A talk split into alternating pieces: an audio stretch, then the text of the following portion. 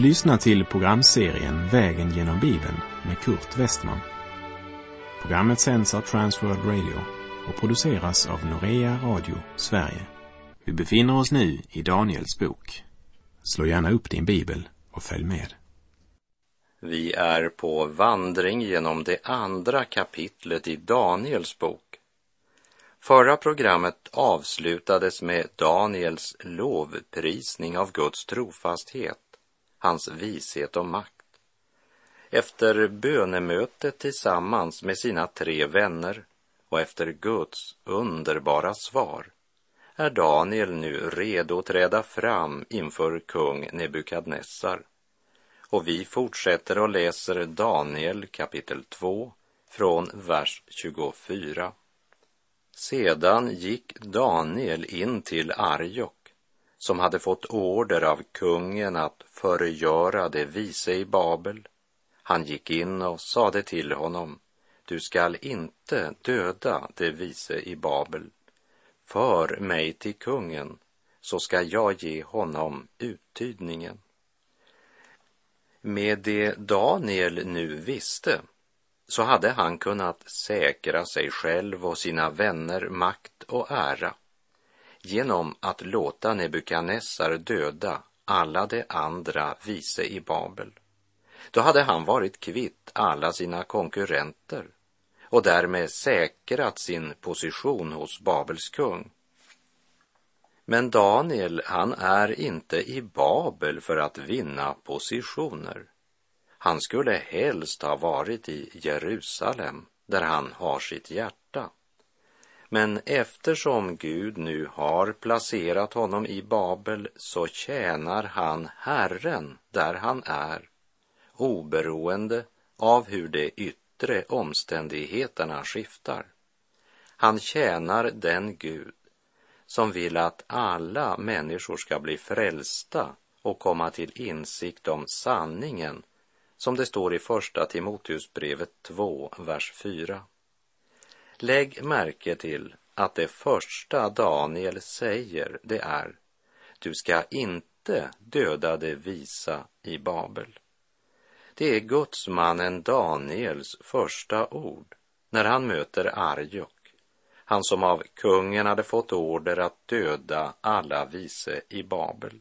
Och det säger något om vilken tyrann Nebukadnessar var och vilket nyckfullt temperament han hade. Denne diktator som kunde göra det som föll honom in. Men Daniel fruktar inte för att träda fram inför honom. För han träder inte in tomhänt i detta möte. Han kommer med Guds svar på kungens begäran. Daniel ser Arjok i ögonen och säger, för mig in till kungen, så ska jag ge honom uttydningen.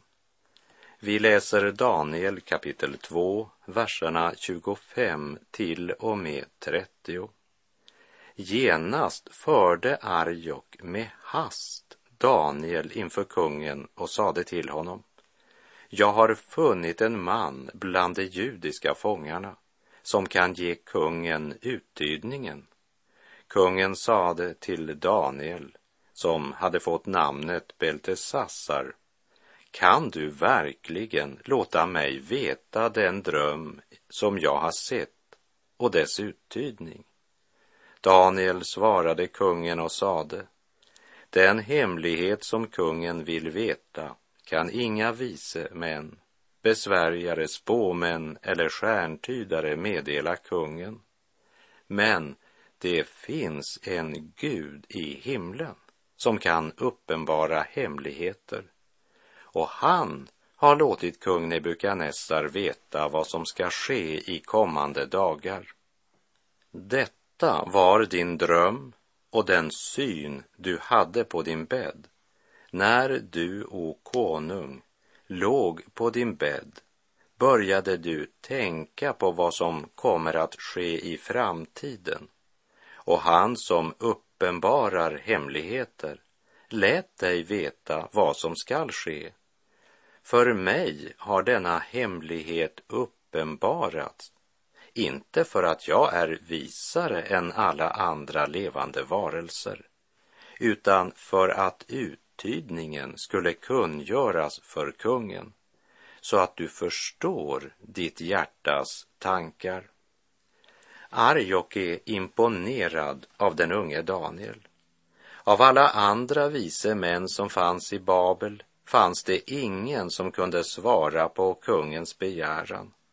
Och Daniel hade både visat omsorg för sina värsta konkurrenter som dyrkade helt andra gudar än Daniel. Sedan hade han lugnt sagt, för mig in till kungen, så ska jag ge honom uttydningen.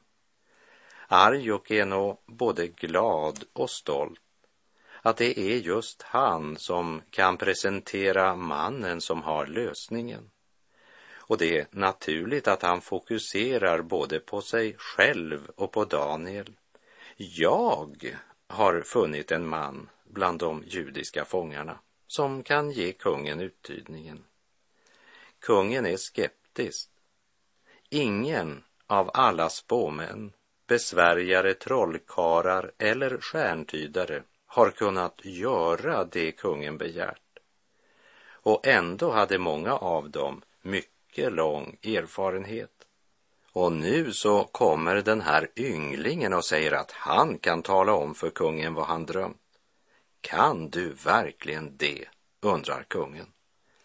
Det är underbart att läsa om hur Daniel vänder uppmärksamheten bort från sin egen person och till Gud som äran tillhör. Det finns en Gud i himlen som kan uppenbara hemligheter. Och för mig så har denna hemlighet uppenbarats, inte för att jag är visare än alla andra levande varelser, utan för att uttydningen skulle kungöras för kungen, så att du förstår ditt hjärtas tankar. Det är som om Daniel säger, det är inte brevbäraren som är intressant, utan brevet och avsändaren. Jag är bara brevbärare. Men innan jag läser brevet vill jag säga några ord om avsändaren. Det vill säga, Daniel uppträder som vittne och han vittnar om Gud. I Apostlagärningarna 5, när apostlarna ställs inför Stora rådet, som på nytt påminner dem och säger, förbjöd vi er inte strängt att undervisa i det namnet, så står det i Apostlagärningarna 5, verserna 29 till och med 32. Då svarade Petrus och apostlarna, man måste lyda Gud mer än människor. Våra fäders Gud har uppväckt Jesus som ni hängde upp på trä och dödade. Honom har Gud med sin högra hand upphöjt som hövding och frälsare för att ge omvändelse och syndernas förlåtelse åt Israel. Vi är vittnen till detta, vi och den helige Ande som Gud har gett åt dem som lyder honom. Vi har samma ton hos Daniel. Det är Gud som har visheten och makten. Det är han som uppenbarar. Jag bara vittnar om vad Gud har uppenbarat för mig. Det är inget speciellt med mig. Kungen borde koncentrera sig om brevets avsändare. Daniel använder möjligheten till att för Nebukadnessar tala om vem Gud är och var Gud är. Det är vittnesbördsmöte hos kungen i det hedniska Babel och vittnet heter Daniel. I första Korinterbrevet 1.20 står det Var är det visa? Var är det skriftlärda? Var är den här världens ordvrängare?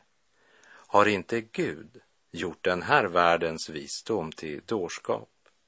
Och i första Korinterbrevet 1, vers 25. Ty Guds dårskap är visare än människor och Guds svaghet är starkare än människor.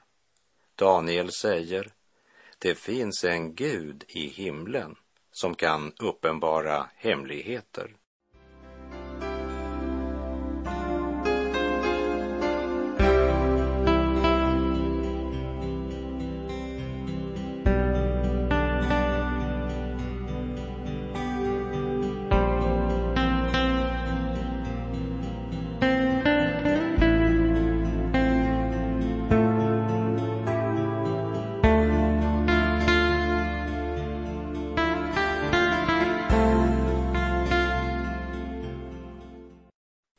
Nebukadnessars dröm hade att göra med Nebukadnessar och med Babels framtid. Alla undringar som plågade kungen och höll honom vaken på natten skulle få sitt svar genom den här drömmen. Gud skulle tala till Nebukadnessar på ett språk som han förstod. Det vill säga, Gud talade om den yttre glans som präglade det mäktiga Babylon Guld, det var den glans Nebukadnessar förstod sig på. Så bildstoden Nebukadnessar såg i sin dröm var inte en staty som skulle tillbes, utan det var en staty som illustrerade vad som skulle komma. Men i Babels kultur med all sin avgudstyrkan så var detta en bild som Nebukadnessar kunde förstå. Därför att Israels barn hade vänt Gud ryggen, togs makten från Davids hus och gavs åt hedningarna. Och där kommer den att vara, helt till den dagen då Jesus Kristus kommer åter för att regera på denna jord. Jerusalem kommer att trampas ner av hedningarna tills hedningarnas tider är fullbordade, står det i Lukas 21.24. Hedningarnas tider, det är från Nebukadnessar och fram till den dag då Herren kommer för att regera. Och han är, när det gäller sin mänskliga härstamning, av Davids ett. Vi läser Daniel 2, 31. Du och kung såg i din syn en stor staty stå framför dig och den var hög och dess glans överväldigande. Den var förskräcklig att se på. Den var förskräcklig att se på, det vill säga genom sitt terrorvälde spred den förskräckelse trots sin yttre överväldigande glans. Jag skulle gärna ha varit där för att kunna se Nebukadnessars ansiktsuttryck när Daniel börjar förklara drömmen. Vers 32 och 33. Huvudet på statyn var av fint guld, bröstet och armarna av silver, buken och höfterna av koppar, benen var av järn och fötterna delvis av järn och delvis av lera. Statyn består i fyra delar. Även om benen och fötterna som utgjorde den sista delen var av olika material. Och statyn Gud låtit Nebukadnessar och även Daniel få se vänder upp och ner på vår tankegång. Vi tänker gärna att ju längre tillbaka i historien det är, desto mindre betydelse har det. Civilisation och utveckling går ju framåt. Och därför blir vart rike som efterhand står upp som en ny världsmakt starkare i relation till det förra eftersom vi har allt mer effektiva vapen. Men Gud säger tvärtom att Nebukadnessars rike var det starkaste och sedan blir det skröpligare och skröpligare. Helt tills det blir till ingenting och krossas till stoft verserna 34 och 35. Medan du nu såg på den revs en sten loss, men inte genom människohänder, och den träffade statyns fötter av järn och lera och krossade dem. Då krossades allt sammans, järnet, leran, kopparn, silvret och guldet och allt blev som agnar på en tröskloge om sommaren och vinden förde bort det så att man inte mer kunde finna något spår av det. Men av stenen som hade träffat statyn blev det ett stort berg som uppfyllde hela jorden. Förklaringen till vad denna illustration betyder ska vi se på lite senare, när vi låter Daniel ge oss förklaringen. Så vi behöver inte försöka oss på några vilda gissningar. Vi ska speciellt lägga märke till att stenen som revs loss revs inte loss av människohänder. Det vill säga, här är det Gud som handlar. Och när det sker sprids allt, även det guld som en gång såg så imponerande ut, blir som agnar för vinden. Men utvecklingen från rent guld helt ner till järn som är blandat med lera säger oss att denna världen och dess riken kommer att utvecklas till det sämre. Och precis som snöbollen som rullar utför sluttningen växer fortare och fortare, så kommer försämringen att gå i ett ständigt snabbare tempo i ändetiden. Därför säger Guds ord att vi ska ha klart för oss att i de sista dagarna skall det komma svåra tider. Människorna kommer att älska sig själva och vara penningkära, skrytsamma, stolta, hånfulla, olydiga mot sina föräldrar, otacksamma, gudlösa, kärlekslösa, oförsonliga, skvalleraktiga, obehärskade, råa, fientliga mot det goda, falska, egensinniga och högmodiga. De ska älska njutning istället för Gud, som det står i början av Andra Timoteusbrevets tredje kapitel. Drömmen i Daniel kapitel 2 berättar för oss om de fyra stora världsrikena och om att Gud upprättar sitt rike som skall bestå för evigt. Gud är från evighet till evighet. Innan Gud skapade solen och månen för att utmärka särskilda tider, dagar och år, så var det evighet. Vi lever i den period vi kan kalla för tiden. Men tiden skall upphöra igen och det ska åter bli evighet. Vi kan säga att människans tid här på jorden, det är som en korridor mellan två evigheter. Gud har varit innan man började räkna tid i dagar, månader och år. Och Gud förblir också efter att tiden upphör. Därför kan vi säga att Gud är från evighet till evighet.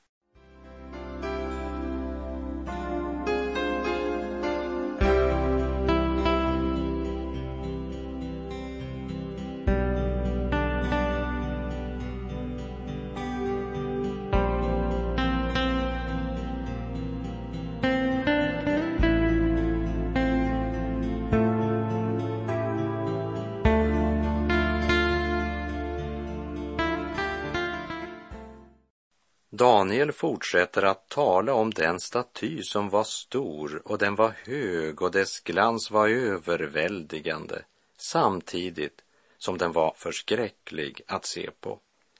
Lägg nu märke till att Daniel inte säger och nu vill jag ge dig tydningen. Men han räknar med sina tre vänner som varit med honom i bönekampen. Vi vill nu säga kungen vad drömmen betyder, säger Daniel. Och vi läser verserna 36 till och med 38. Detta var drömmen och nu vill vi säga kungen vad den betyder. Du, o kung, kungarnas kung, som himmelens Gud har givit rike, väldighet, makt och ära I din hand har han gett människorna, djuren på marken och fåglarna under himlen, var än de bor. Och som han har satt dig till herre över allesammans. Du är det gyllne huvudet. Nebukadnessar var den första hedniske konung som blev regent över en stor världsmakt. Gud gav honom rike, väldighet, makt och ära, men han förlorade det. Statyn med ett huvud av guld som bars upp av fötter som var en blandning av järn och lera säger oss att det hjälper inte hur stor och mäktig statyn är när den vilar på så dålig grund. Hur stor en människa än kan verka så är människan bara stoft. Första Mosebok kapitel 2 och vers 7 säger och Herren formade människan av stoft från jorden och blåste in livsande i hennes näsa. Så blev människan en levande varelse. Och statyns fötter var av järn och stoft, järn och lera. Det vill säga, det är det mänskliga som är svagheten. Men nu får Nebukadnessar höra att det är han som är det gyllene huvudet som regerade över den då kända världen. Och Daniel fortsätter och säger i kapitel 2, vers 39. Men efter dig skall det uppstå ett annat rike, obetydligare än ditt, och därefter ett tredje rike av koppar, och det skall regera över hela jorden. Det rike som ska komma efter Nebukadnessar kommer att bli mindre betydande än Babylon. Och det tredje riket kommer att bli mindre betydande än det andra. Och det fjärde riket mera obetydligt än det tredje. Två kungadömen omnämns i denna vers. Armarna av silver talar om Medien och Persien som vi ser i Daniel 5.28 där Daniel säger Ditt rike är delat och givet åt meder och perser. Så vi behöver inte spekulera över vilket som är det andra riket. Det gör Daniel helt klart för oss. Vi ska också komma ihåg att Daniel levde under både det babyloniska riket och under det mediska persiska riket.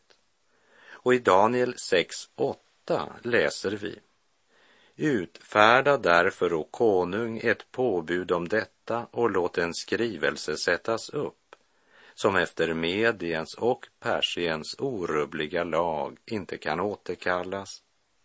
Det tredje riket som omtalas, det är det grekiska riket, det vill säga det rike där Alexander den store av Makedonien härskade. Han erövrade länderna från Grekland i väster och till Persien i öster. Även Egypten hörde med till Alexander den stores världsrike. Han grundlade bland annat staden Alexandria som har sitt namn efter honom. Därmed så kommer vi till det fjärde riket och det är viktigt att vi lägger märke till att det är endast fyra världsriken. Det är inget femte kungarike. Det fjärde riket är det romerska. Här vill jag gå varsamt fram och påminna om att detta var fyra historiska riken i gammaltestamentlig tid även om det romerska riket sträckte sig in i nytestamentlig tid. Jag ska inte med bestämdhet hävda att det är så. Men det är möjligt att detta mönster kommer att återupprepas i ändetiden, nämligen att det uppstår fyra världsriken efter varandra av ständigt sämre kvalitet och som avslutas med Antikrists rike. Blandningen av järn och lera talar om ett rike som ser så imponerande ut och verkar stå så fast, men som ändå inte har några förutsättningar att bestå i längden. Men det är alltså i det fjärde rikets dagar Gud griper in. Det sanna ljuset som ger ljus åt alla människor skulle nu komma till världen, skriver Johannes i Johannes 1, vers 9. Det är en av de centrala saker som vi verkligen ska registrera och ha i våra tankar under vår vidare vandring genom Nebukadnessars dröm. För vår tid den är strax ute för den här gången. Och i nästa program så ska vi lägga märke till att det fjärde riket, det får rätt så stor uppmärksamhet som vi ska se när vi kommer till verserna 40 till och med 43.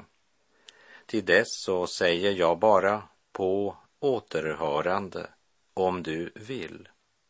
Sök Herren medan han låter sig finnas. Åkalla honom medan han är nära. Herren vare med dig. Må hans välsignelse vila över dig. Gud är god.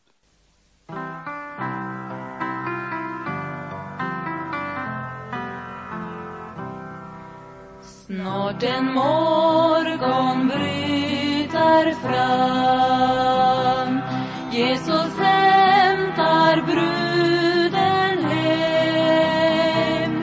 Ingen sorg skall vara mer Ingen sjukdom där vi ser. När vi intar vårt palats Jerusalem. Solen sjunkit,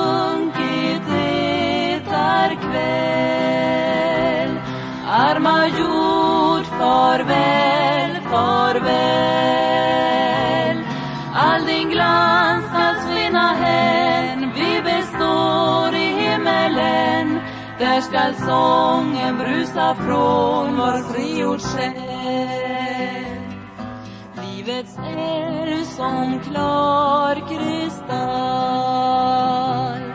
Ren och stilla flyr flyta skall. Vad det öga här har sett Gud av nåd för oss berett. När vi hemma står med segerpalm i hand. Bruder själv på Jesus se. Han som dog för syndare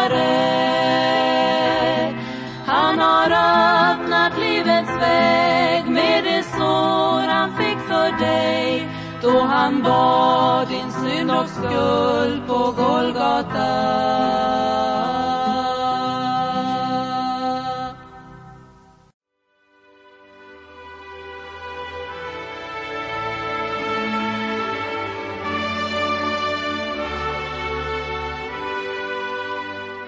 Du har lyssnat till programserien Vägen genom Bibeln med Kurt Westman som sänds av Transworld Radio. Programserien är producerad av Norea Radio Sverige. Om du önskar mer information om vårt radiomissionsarbete så skriv till Norea Radio Sverige, box 3419 103 68 Stockholm. Adressen är alltså Norea Radio Sverige box 3419. Postnumret 10368 Stockholm.